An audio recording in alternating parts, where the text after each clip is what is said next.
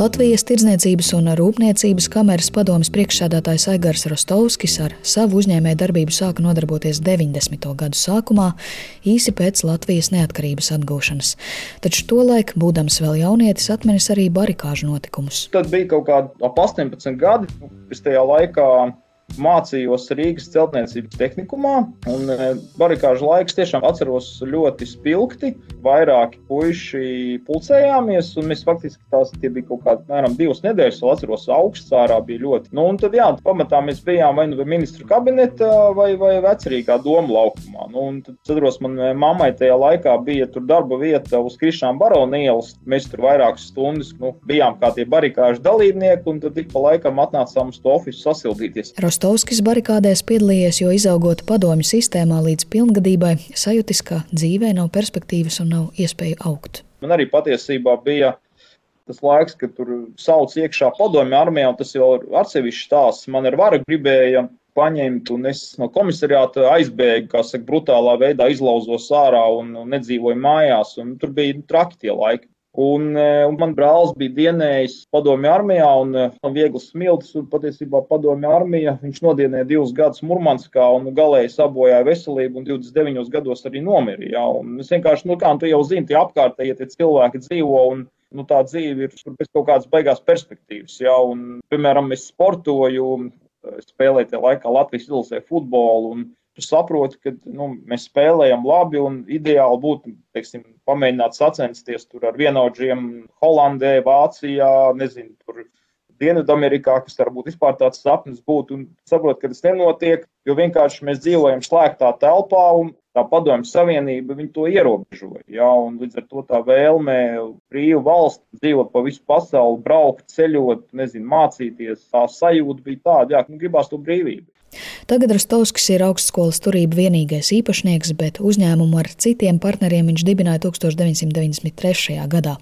Līdzīgi kā daudziem, viņam pārmaiņu laiks nesa brīvību uzņēmējdarbības iespējās, kuras attīstīt, palīdzēja arī ceļošanas un pieredzes apmaiņas iespējas atveroties robežām. Manai paudzei, kuriem tajā laikā bija ap 20 gadu, nebija tā iespēja nu, kaut ko sagrābt, ja tā var teikt. Jā, bet mums tas vienīgais veids bija ātri saprast tās pārmaiņas un, un izmantot tās iespējas. Ja, jo galvenā lieta priekš manis, kad varēja legāli dibināt savu uzņēmumu un veidot savu uzņēmējdarbību. Jo skaidrs, ka tajā iepriekšējā padomu laikā un visas tās eh, tā izglītības sistēmā un viss, kas tika skalots, kā saka, smadzenes, nu, kad vēl viens tehnikums pasniedzējs teica, ka jūs, kā viņš teica, krieviski, razieģitis, pašsēji naši agromni roģini. A šeit tā iespēja ka tu vari atvērt savu biznesu vaļā, ka tev ir kaut kāda ideja, ko tu vari darīt, jā, un, un, un, un to realizēt. Un es arī tajā metos iekšā, bez kaut kādām zināšanām, bez kaut kādas izpratnes. Ja, protams, tur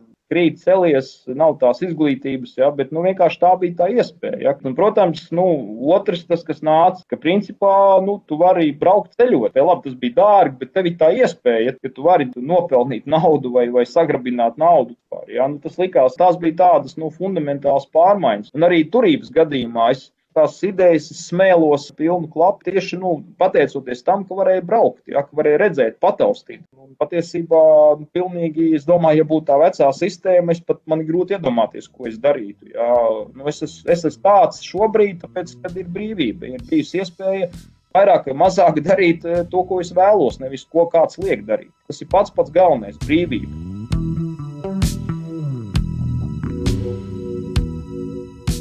Jā, tāds ļoti tipisks trims latviešu, abi vecāki latvieši, visi četri vecāki latvieši, Nudžersijas latviešu evaņģēliskās luterāņas draudzes pamatskolas izglītots. Tas ir Amerikas latvietis Nils Students, kas savukārt pēc PSRS sabrukuma nevilcinoties izmantoja ceļošanas iespējas virzienā uz Latviju. Tolaik šeit izveidojis arī ģimeni un joprojām dzīvo Latvijā.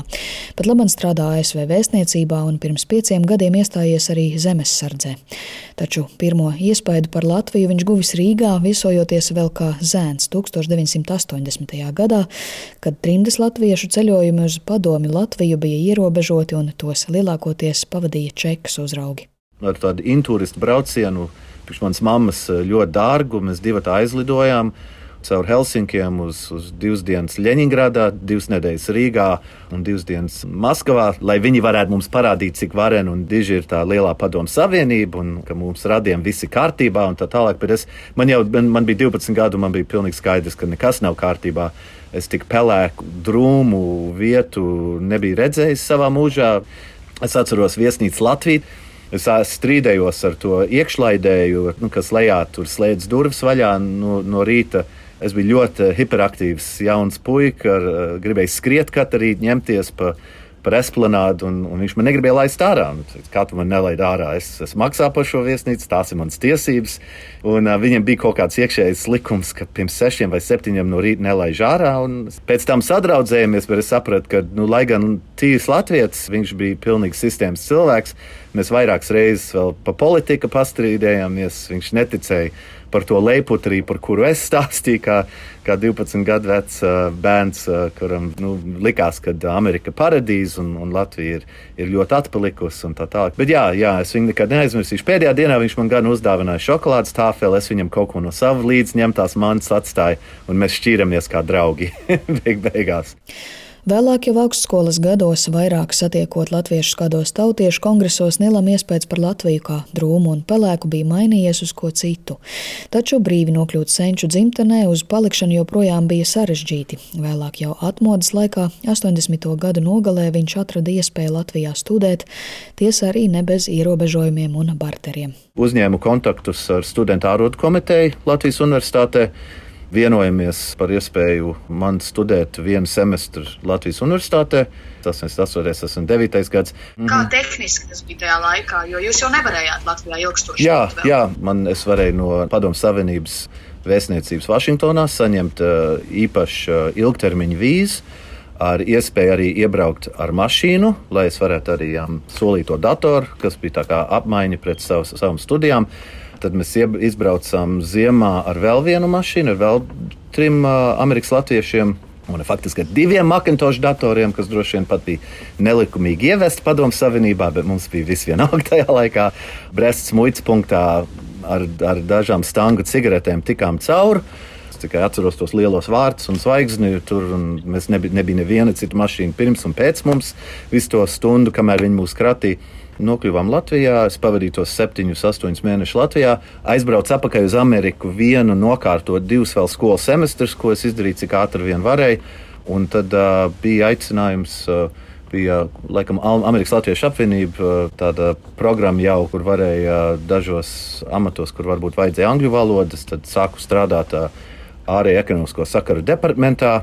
Latvija sāk uzņemt pirmos ārējos ekonomiskos sakarus. Neatkarība vēl nebija dibināta, bet bet kustība jau uz, uz to bija. Un, un sāku dzīvot patstāvīgi Latvijā. Nils atceras, ka ceļošana uz ASV bez tā dēvētajiem blatiem un galiem, izmantojot avio satiksmi, kļuva arvien vienkāršāka ap 90. gadu vidu. Rīgas Tehniskās Universitātes zinātņu prorektors Tālis Juhna secina, ka tādiem skolas vecuma jauniešiem kā viņš 80. gados vēl nebija īsti izpratnes par ierobežojumiem, dzīvojot padomu sistēmā un pasaulē ārpus tās bija sveša. Es tajā laikā nodarbojos ar sportu, aktīvi trenējos vieglatlētikā. Es atceros, kad uh, sporta dēļ uh, bija iespēja aizbraukt uz ārzemēm, un, protams, tas bija nu, milzīgs šoks, kas tur notiek. Un skaidrs, ka tādā zemapziņas līmenī, protams, gribējās, ka mums būtu līdzīgi. Bet eh, tās iespējas īstenībā pavērās tikai tā pa īstam, kad mēs atguvām neatkarību, protams. Nu, es vienkārši minēšu piemēru, ja jūs gribējāt aizbraukt uz eh, kā sportists, piemēram, uz Vāciju vai uz Angliju, tad vajadzēja iestāties komunitē, lai jūs varētu vispār eh, mēģināt pretendēt dabūt nu, vīzu, varētu braukt uz, uz, uz ārzemēm. Es domāju, tās robežas bija diezgan cietas tajos laikos. Tā kā sapņot, jā, bet tā es nebiju iedomājies, ka es to varēšu kādreiz izdarīt. Līdz ar Latvijas neatkarības atgūšanas laiku Juhna sāka studēt būvniecības fakultātē. Arī viņam dalība barikādēs neizpalika. Gājām uz uh, domu laukumu, pieteikties brīvprātīgos. Es tagad neatceros tieši kā to organizāciju saucējā tas laiks nu, trauksmains tā ziņā, ka bija ļoti daudz nezināmā. Tikko man sākās jauna dzīve, kā universitātē. Un šīs visas izmaiņas mums, atceros, tajā laikā radīja tādu neizpratni vispār, kas notiks, vai, vai es turpināšu mācīties, vai es darīšu kaut ko citu. Tālim Juhnam pārmaiņu laiks atvēra iespēju doties studēt uz ārzemēm. 95. gadā viņš pieteicās un ieguva stipendiju no Zviedrijas valdības, lai studētu maģistrantūrā Stokholmas Karaliskajā universitātē, kas iepriekš nebija iespējams. Tas, protams, man deva iespēju kāpt uz kuģa, un jā, tieši prāms bija no Rīgas. Kāpt uz prāmi, riteni un ar lielu somu doties tur studēt maģistrātu. Man pārsteidza gan studējošo, gan pasniedzēju attieksme. Kas viņam atšķirīgs? Viņam ir tas zviedriem ir tāds princips lāgom. Jā, tā viņi tās attiecības starp cilvēkiem ir ļoti līdzvērtīgas. Nu, piemēram, tev ir eh, iespēja aiziet pie profesora, nezinu, uzprasīt kaut kādu jautājumu, viņš uzaicina tevi mājās, uz vakariņām, teiksim, mēs bijām ārzemju studentu grupiņa. Un tas, kas man likās, tas pirmais ir tā cilvēku tāda atvērtība kas tomēr padomu laikos mēs, protams, ņemot vērā, kā tā sistēma darbojās, ka tomēr cilvēki nebija tik atvērti. Viņi nerādīja, kas viņiem ir mājās, sirdī. Jā. Un, un, un otrs, protams, tā nu, sakārtotība. Salīdzinot, kas bija Latvijā, kāda bija apstākļi, kaut vai nezinu, studentiem viesnīcās dzīvot, un, un, un universitātes, un arī visa vide, tas, tas bija nu, atšķirīgi. Juhna arī stāsta, ka pirms studijām Zviedrijā viņš nebija iedomājies, kā darbosies zinātnē, uz ko viņu pamudināja tieši akadēmiskā brīvība tur. Galu galā Tālis Juhna Stokholmas Universitātē ieguva arī doktora grādu un atgriezās Latvijā 2002. gadā. Sinti Ambote, Latvijas radio.